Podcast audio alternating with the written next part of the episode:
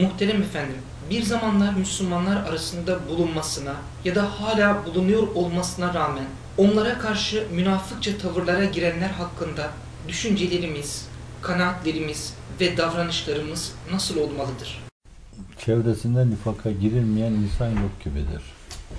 Enbiya izamın çevresinde de olmuşsa olmuştur o mesele. Fakat Kur'an-ı Kerim'in sünneti sayenin tasvir ettiği insanların dışında nifaka girmiştir diye biz hüküm veremeyiz.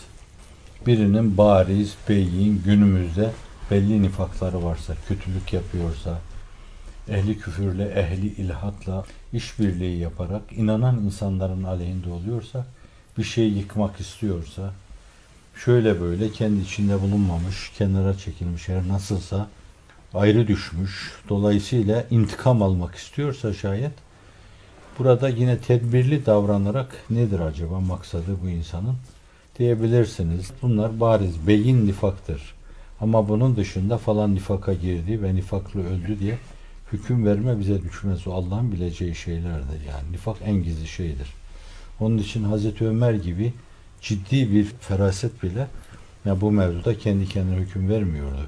Efendimiz'den duyduğu şeylere bina ediyordu. Hazreti Hüzeyfetül Yemani işte kimin cenaze namazını kılarsa o da gidip ona iştirak ediyordu. Onu iştirak etmediklerini etmiyordu. Oysa ki anlayabilirdi yani Hazreti Ömer. Belliydi dinin emirleri. Mesela konuştuğu zaman yalan konuşur. Vaat ettiği zaman vaadinde hulf eder. Ahd ettiği zaman gadirde bulunur. Kendisine bir şey emanet edildiği zamanda da hıyanet eder. Yani bunlar nifakın alametleridir. Bu dördü saydığı yerde buyuruyor ki bu dörtten birisi bulunan insanda nifaktan bir amare bulunmuş olur. Dördü birden bulunursa o halis münafıktır diyor. Yani bir insan konuşurken yalan söylüyor, emanete hiyanet ediyor, vaat ediyor, sürekli vaadinden dönüyor, hakikatları çarpıtıyor, ters yüz ediyor her şeyi, herkesi aldatıyor. Böyle bir şey varsa çok karışık demektir bu insan. Yani hiç kendinde güvenilir yan bırakmamış demektir. Bu içinde mülahazaları ne olursa olsun, isterse Allah'la irtibatı çok kavi olsun, bunun hakkında böyle bir hüküm verdiğiniz zaman yanılmış olmazsınız. Tedbirin gereği siz isterseniz demezsiniz ayrı bir mesele diyor. Fakat buna rağmen görüldüğü gibi Hazreti Ömer insanların bu yanlarına bakmıyor yani. Açıktan açığa Efendimiz'den falan şahıs filan şahıs hakkında bir şey var mı diyor. Bu meselenin bir yanı yani. Demek ki büyük ferasetler bile bazen bilemeyebiliyorlar bunu. Bilinmesini Cenab-ı Hak da istemiyor çok herhalde onların. Fakat belli tavırlara, davranışlara karşı, nifak davranışlarına karşı teyakkuze sevk ediyor yani. Temkinli davranın diyor. Fakat falan münafıktır filan münafıktır hiç demiyor. Hiçbir tasrih yok. Hatta reisül münafıkın var. Abdullah İbni Übey gibi Selul. Aynı şeyleri yapıyor. Ve vefat ederken de Efendimiz sallallahu aleyhi ve sellem kendisine sistemde bulunuyor. Sana dedim ben diyor. Falanlarla oturup kalkma dedim diyor. Ve Cenab-ı Hak namazını kılmadan men ediyor Efendimiz. Demek kafir olarak ölüyor o. Şimdi ama hayatı boyunca hep böyle Müslümanların içinde görülüyor. Ordu bozanlık yapıyor. Şimdi ben bunları biliyorsam sadece tedbirimin gereği yani. Davranışa nifak davranışı derim de şahsın adını tasfiye ederek münafık demem. Deseydim şimdiye kadar e, dualarımda da dur olurdum. Oysa ki dualarımı eksik etmedim yani. Allah'ım kalplerine hidayet versin dedim. Hep dua ettim. Başka bir derdim yok benim. Bir insanda nifak varsa kurtulsun. Nifaktan tevhid ersin. Kafirse şirkten kurtulsun. Küfürden kurtulsun. Allah'a ulaşsın. Derdimiz o. Çünkü cehennemin ne demek olduğuna inanıyorum ben. Bir insanın oraya gitmesine rıza göstermek kalpsizlik demektir. Enbiya-i İzam'ın vazife-i asliyesi en kötü insanları bile gayyadan kurtarmak ve onların yüzlerini cennete yönlendirmek, tevcih etmek. Bu açıdan hemen hükmü vermemek lazım Hazreti Ömer gibi. Hazreti Ebu Bekir zaten hiç öyle bir şeye girmemiş. Çok temkinli bir insan. Ne Hazreti Ömer'in münafık dediği Hatip bin Belte'ye münafık demiştir. Ne bir başkasına münafık demiştir ne de bir başkasına. Temkinli bir insandır, teyakkuz insandır. Efendimiz'e de münafıklardan biri geliyor. Diyor ki ya Resulallah bugüne kadar ben münafıklık yaptım ama şimdi tevhid diyorum diyor. Ama benim gibi düşünenler var. Tanıyorum onları da getireyim mi diyor ya Resulallah. Getirme diyor Efendimiz. Çünkü öyleler var ki onların aileleri bile bilmiyor, çocukları bilmiyor. Abdullah İbni Übey İbni Selul'un oğlu Abdullah İbni Abdullah İbni Übey İbni Selul babasının münafık olduğunu bilmiyor. Kızı Naciye, Kays İbni Şemmas'ın hanımı, o ashab-ı kiram arasından nadide kadınlardan birisi. Bilmiyor babasının münafık olduğunu. Ve öylece eriyor yani. O bilmeme var ya eriyor. Onlar açığa vuramıyorlar o meseleyi. Ailelerin içinde bile Efendimizin aleyhinde konuşamıyorlar. Nasıl bunun bu mevzudaki oyunlarını bozarız falan diye diyemiyorlar yani. Açığa çıkar diye diyemiyorlar. Dolayısıyla çocuklarına da sirayet etmiyor. Çevrelerine sirayet etmiyor. Kendi nifaklarıyla baş başa kalıyorlar. Ölüp gidiyorlar. Nifaklarıyla beraber gömülüyorlar ama fakat onların tesir alanının dışında kalanlar kurtuluyorlar. Şimdi bu da Efendimiz sallallahu aleyhi ve sellemin temel tavrı. Kur'an-ı Kerim'in işaret buyurduğu gibi, kendilerinin de ifade buyurdukları gibi inna Allah la yanzur ila suvarikum ve lakin yanzur ila kulubikum diyor. Allah suretlerinize, cesetlerinize değil kalbinize bakar diyor. Cenab-ı Hak evsaf üzerinde duruyor. Efendimiz sallallahu aleyhi ve sellem evsaf üzerinde duruyor. Şu vasıf nifak vasfı diyor. Buna karşı teyakkuzda olun, tetikte olun. Arkanıza dönmeyin yani. Hüsnü zannetseniz de üstadın tabiriyle ifade edeyim ben. Ademi itimatta bulunun diyor. Ve öylece siz de onların şerrinden emin olursunuz. Yine üstadın dediğiyle diyeyim ben. Biz ki Müslümanız diyor aldanırız fakat aldatmayız. Kimse ben falanlar tarafından aldatıldım diyemez yani. Bizi aldattılar. Vakaf o Haziran fırtınasında dedi yani bazı kimseler. Çok ağrıma gitti benim. Bizi aldattılar diyemez yani. Biz neysek Müslümanız dedik yani. Namazlarımızı inşallah o ihlasa makrum mudur değil midir onu Allah bilir de kaçırmayız. Orucumuzu tutarız. Harama adım atmayız Allah'ın izniyle. Bakmasına bile o mevzuda. Belli bir sınır koruz. Her şeyimiz filtrelidir Allah'ın izniyle dedik. Biz buyuz. Bizimle isterseniz diyalog içinde olursunuz. Kimseyi aldatmadık. Yani neysek öyle görünmeye çalıştık. Ama bizi bu halimizle siz diyalog adına kayda değer buluyorsanız diyaloğu sürdürürüz. Fakat her zaman aldanabiliriz yani.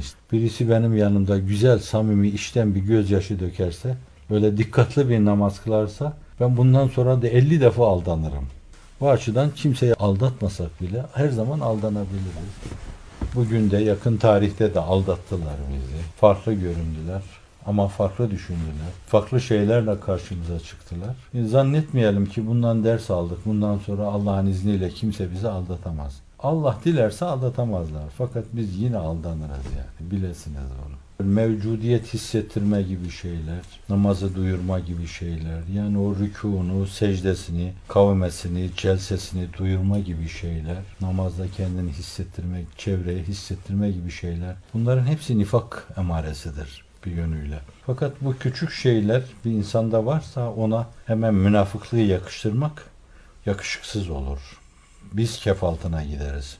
Küfürde de nifakta da zannediyorum aynı şey söz konusu. Birine kafir denince o değilse insana döner o. Birine münafık deyince değilse o size dönebilir o. Tehlikelidir orada.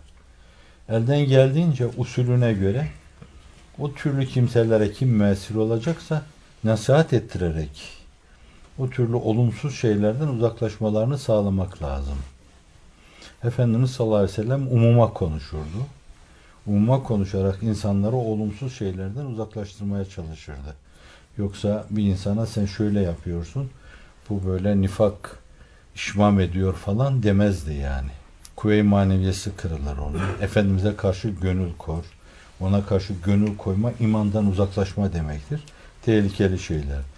Yaptığımız ibadetlerimiz neticesinde gönlümüzde bir iman nurunun doğması ve irfan çerağının tutuşması beklentisi içerisinde olmamız doğru mudur? İbadet itaat bir gönül işidir. İnsan kalbini ortaya koyarak yapmalı. Dolayısıyla ona göre bir tavır içinde bulunmak lazım. Oturmada, kalkmada, konuşmada, ifadede, üslupta o görüyor olma mülazasına bağlama her şeyi. Esası budur. Ama bir insan uzun temrinata vabeste böyle bir şeyi hemen eskilerin tabiriyle vihleyi ulada elde edemeyebilir. Elde edeceği ana kadar işte nasıl rehabilite edilecekse rehabilite edilmesi lazım. Tekkelerde, zaviyelerde o yapılıyordu. Fakat burada istidradi bir şey arz edeyim. Bazen inziva böyle halktan uzak durma İnsan zanneder ki orada ben ihlasa eriyorum. Nasıl olsa kimse görmüyor. Tek başıma ibadet yapıyorum. Orada çok farklı bir enaniyet büyütme, besleme vardır. Bir perva enaniyet öyle bir büyür ki orada sen de şaşar kalırsın. İnzivadayım böyle işte yalnız Rabbimin tecellilerle baş başa ne oldum ne oldum falan dersen işte tamam oldun o zaman. Hafizan Allah tehlikelidir. İyi yolda insan iyi yolda da batabilir yani. Kabe'yi tavaf ederken batabilir. Namazda batabilir. Başka birine namaz kılabilir. Allah'ın huzurunda dururken. Biz namaza bağlanmamız lazım. Namazı da Allah'ın rızasına bağlamamız lazım. O mülaza için de onu eda etmemiz lazım. Murad-ı Sübhanesi o istikamette olursa o da içimizde bir ışık yakar. Ve biz de onun aydınlığında çok şeyi aydın görürüz. Çehrelerin arkasını görürüz. Gönüllerin arka planını görürüz. Her şeyin arka planını görürüz. Fakat katiyen bunlara hüküm bina edilemez. İşler bunlara bağlanamaz. Bunlara bağladığınız zaman işinizi haşa ve kella, haşa ve kella, yüz bin defa haşa ve kella Cenab-ı Hakk'ı devre dışı bırakmış olursunuz. Oysa ki bütün devrelere hakim odur. Ve biz onun ortaya koyduğu devrelerin birisinde ona bağlılığımızı sürdürüyoruz. Varsa bir kıymetimiz onun nazarında, onun hazırladığı devrede bulunmamızdan ötürüdür. Her şeyi onun rızasına bağlamalı. Bu da meselenin bir yanı. Bir diğer yanı da yine biz bilemeyiz. Cenab-ı Hak içimizde bu ışık yakmıştır. En büyük ikramıyla ikramını hissettirmemektir diyor Hazreti Üstad. Cenab-ı Hak içinizde ışık yakmıştır da bazı şeyler hissettirir, bazı şeyler hissettirmez size. Bazı şeyleri sizin çok yararınız olabilecek. Dininiz adına, diyanetiniz adına, hizmet imani ve Kur'an'ı adına olacak şeyleri size duyurur, hissettirir. Bir rüya ile ifham eder onu. Bir hissi kablel vuku ile ifham eder. Birini konuşturur o mevzuda. O istikamette birini konuşturur. Onunla size ifham eder. Dolayısıyla olmadı diyemezsiniz. Böyle de olur. Neden böyle yapar? Dolambaçlı gibi bir şey oluyor burada. E Allah'ın en büyük ikramı ikramını hissettirmemek ise şayet sizin meseleyi bir keramet şeklinde algılamanız sizin aleyhinizde olacaksa Allah ona fırsat vermiyor. Sizi koruyor, siyanet ediyor. Herkes bir olmaz yani. Bazı kimseler peygamber gibi böyle mucize gösterseler onlar bu mukadder midir değil midir ayrı bir mesele. Gösterseler onu saklamaya çalışırlar. Selefi salihini okuyoruz, görüyorsunuz o. Her şeylerini saklıyorlar insanlardan. Her şeyleriyle Allah'a açık duruyorlar. Evet, şimdi bazılarımız saklayamayabiliriz yani onu. Çok defa iyi bir rüya gördüğümüz zaman bile böyle çaka mahiyetinde onu herkese söyleriz yani. Bir kere o Efendimiz'i görmüştüm de ben. Sonra aradan 10 sene geçer o Efendimiz'i hani gördüğümü size söylemiştim ya. Hani gördüğümün manası şöyle çıkmıştı ya bir kere görmüştür böyle. Şimdi bu kadar zayıf olan bir insan hemen böyle Cenab-ı Hakk'ın eteğine döktüğü cevherleri sokaklarda şuna buna gösterip gezen bir insan hırsızların iştahasını yani şeytanın nefsi emmarenin iştahasını kabartıyor demektir. Talan ederler onları. Onda hiçbir şey bırakmazlar. Şimdi böyle Allah'ın verdiği o mevhibeleri ve varidatı şurada burada böyle çocuklar gibi çaka yaparak dolaşıyor ve şeytanların nefise emmarenin iştahasını kabartıyorsa Allah'ın ona ihsanı onu ona hissettirmemektir yani. Onu bir lütfu ilahi olarak bilmek lazım. Ve katiyen burukluk yaşamamak lazım. Esas Allah'la münasebetimizde bir kusur ettiğimiz zaman burukluk yaşamalıyız. Bu da meselenin bir diğer yanı. Cenab-ı Hak bazı şeylerde bir iman ışığı yakar ki içinizde meseleyi hep Allah'a bağlılık halinde hissedersiniz. Çok ciddi bir Allah'a bağlılık olur. Yani zevk-i ruhani adına hiçbir şey duymazsınız. Namazı da çok temkinli, çok dikkatli kılarsınız da fakat başkalarının böyle mesela bir rüküya gidiyorum ki ben başımı kaldırasım gelmiyor falan dediğini duyarsınız. Ya bana niye olmuyor bu filan dersiniz böyle. Ama Allah Celle Celaluhu onları sizin ahiretiniz hesabına değerlendiriyordur. Hani Yunus Emre'nin hikayesi vardır. Tapduk ona diyor ki ben istemiştim ki yani sen kapalı bir sandık gibi ahirete gidesin. Fakat sen dünyada bazı şeyler istemeye başladın. Bir kapalı sandık gibi öteye gitmek, ceyhizin orada açılması esas önemli olan odur. İşte orada her şeyin ortaya çıkması önemlidir. Kabir durumu, berzak durumuna bakılınca namazın değişik şekilde orada işte temessül edecek, baş döndürücü bir eda ile karşına çıkacak, tisviğin, evradı eskarın temessül edecek, baş döndürücü bir eda ile karşına çıkacak, sadakatin, ihlasın baş döndürücü bir eda ile karşına çıkacak.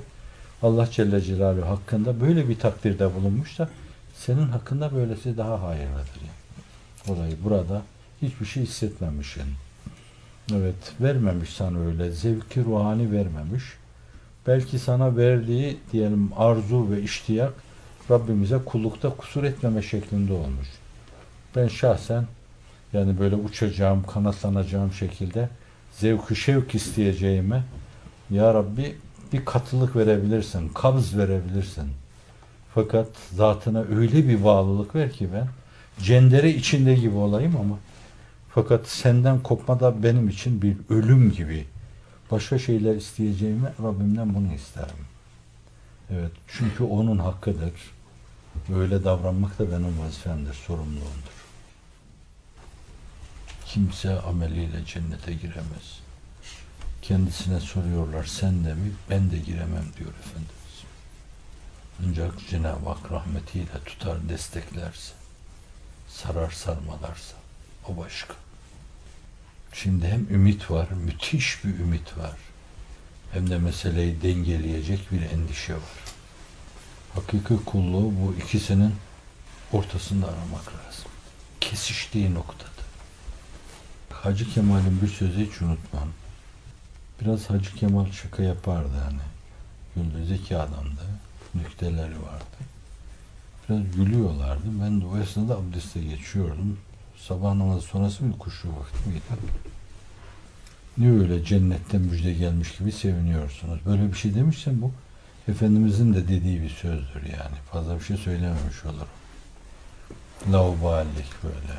Bu halinize siz oraya gidemez de falan yere gidersiniz gibi bir şey. Dedim. Sonra abdest aldım döndüm. O benim sözümü de almış değerlendi ama şunu konuşuyor. Çok dikkatime dokundu benim.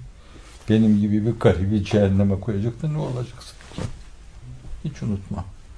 İşte bazen benim aklıma da o geliyor. Ne olacak diyorum. O kadar köpeği sen değişik şeylerle serfiraz etmişsin ki. Bir sonuncusu da ben olayım. Benim gibi garibi cehenneme koyacaktan olacak. Allah'ın rahmeti öyle yani ondan da diyeyim. Geçende de bahsettim hadis-i şeriflerde var. Diyor birisini hesaba çekiyor. Hep itiraf ediyor orada. O bizim büyük buluşmada bazıları itiraz ediyorlar da o hep itiraf ediyor. Bunu yaptın değil mi diyor. Hırsızlık yaptın, adam dövdün, hak yedin. Hepsini evet evet evet diyor. Bunların hepsini yaptım. E götürün cehenneme. Götürürken dönüp geriye bakıyor. Sorun niye baktı? Diyor ben senin hakkında ya Rabbi böyle düşünmemiştim. Ben affedeceğini düşünmüştüm. Diyor ki Efendimiz sallallahu aleyhi ve sellem döndürürler onu cennete götürürler. Öyle açık yollar da var. Bir başkası böyle benim gibi işte hatada, günahta saçını bembeyaz etmiş. Huzuru kibriyada o da sorgulanıyor. Ona da diyor sen yaptın mı yapmadın mı büyük buluşmada gibi o da ben bunu yapmadım yapmadım yapmadım. Pekala diyor cennete götürün. Melekler diyorlar ki ya Rabbi yaptı bunları. E diyor saçları bembeyaz olmuş. Ben onu yalan çıkarmaya utandım diyor. Bunlar da açık yollar. Kalbini açık tutacaksın. Ben de işte bu menfezlerden bakıyor, ümitleniyorum. Yoksa Alvar İmamı'nın dediği gibi ne ilmim var ne amalim, ne hayru taata kaldı mecalim. Garik isyanım çoktur vebalim, acep ruzi cezadan ol halim. Ne ilmine güven, ne ameline, ne ihlasın var de. Hak yolunda kaim ve daim ol, sadece onun rahmetine güven.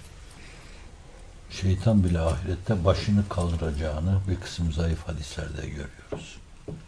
Acaba o rahmetten bana da bir hisse ulaşır mı? Evet, o kadar ümitli olmak, o kadar da içinde endişe taşımak. Genel ahenk için hayati önem arz ediyor. Yine derdi ki Alvar İmamı, Gülistanı hidayet bülbülünden dersin al ey dil. Gülistanı hidayet bülbülünden dersin al ey dil. Serindeki saadet sümbülünden dersin aley değil. Kamu alemleri var eyleyen Allah'a teslim ol. O mihnetkeş Ali'nin düldülünden dersin aley değil. Ders almak. Her şeyi ibret adına değerlendirmek. Hazreti Üstad'ın geçen gün siz okudunuz. 12. nota görmüyor musunuz? Senin Said ismindeki mahlukun hem müsi hem müsin hem efendisinden kaçmış bir kül olarak 40 sene sonra sana iltica etmek istiyor falan. Demezler mi senden bana yahu siz de kim oluyorsunuz Allah'a isterseniz. Rahmetli Ahmet Feyzi abi zaten bana öyle demişti. Sen de kim oluyorsun ya? Makamı cennet olsun. Yürek ister doğruyu söylemek için işte onda yürek vardı. O kadar çok severdim ki, o kadar çok seviyorum ki. Öyle demiş, böyle demiş. Çünkü sağlam bir yere gönlünü bağlamıştı. Yetmişini çok aşmıştı. Fakat onca zaman onun duygu ve düşüncelerini hiç aşındırmamıştı. Sinesi geniş böyle. Herkes gelsin, herkes gelsin ederdi filan. Bu İzmir havalisinde Ege'de de tesiri büyüktü onun. Çok olgundu. O derste böyle biz farklı düşünüyoruz gibi havalarda estiriliyor. Abi orada derste coştu. Ben dedi bunlara diyorum falan dedi. Ankara'dan da bir iki arkadaş var işte bunlar dediği türden arkadaşlar var. Nur'a hizmet eden insanlar kimse bir şey diyemez ki onlara. Ben bir aralık yumuşakça dedim ki abi dedim sen bunları sonra bana anlatsan dedim olmaz mı? Hiç aldırmadı yine konuşuyor. Bir defa ben bir kere daha dedim. Abi dedim bunları sen bana anlat sonra dedim. Sen kim oluyorsun sana anlatacağım dedim. Ben de hemen orada Risale vardı. Kaptım bir arkadaşa verdim. Sen kim oluyorsun dedim. Bediüzzaman eserlerin olduğu yerde konuşuyorsun. Oku dedim ona. Sustu. Evet ben şimdi onu tuttum. Şimdi müdür odasında oturuyorum Kestane'nin pazarında sabah. Böyle kolu kanadı kırık geldi oraya. Sarıldı bana. Ben dedi akşam çok hata ettim. Şimdi benim babam yaşındaki insan. Benim özür dilemem lazımdı. O öyle davrandı. Ben Ahmet Feyzi basit insan değildim. En son görüşüm de rahmetli bize üç sene ceza vermişlerdi. Bir sene de sürgün mahkeme. Teselli için koluma girdi. Beraber oturduğumuz apartman odasına gittik. Arka odaya çekti. O gün en son görüşmemiz oldu. Bana o gün Atıf Hoca'nın asılışını anlattı. Dedi Atıf Hoca Vehbi Efendi ile beraber içerideler.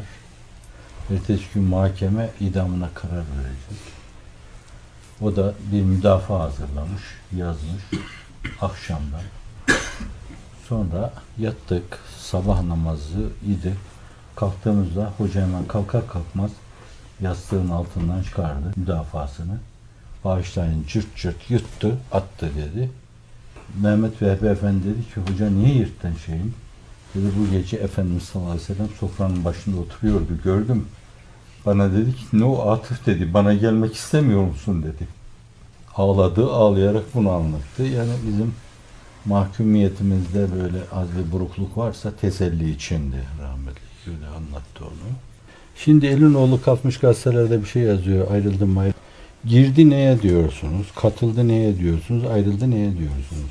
Herkes aynı kanaatte olmaz ki. Elbette farklı düşünceleriniz olabilir bunlardan. Ama ben onları hep sahibi gibi gördüm ve saygımı korudum, koruyorum.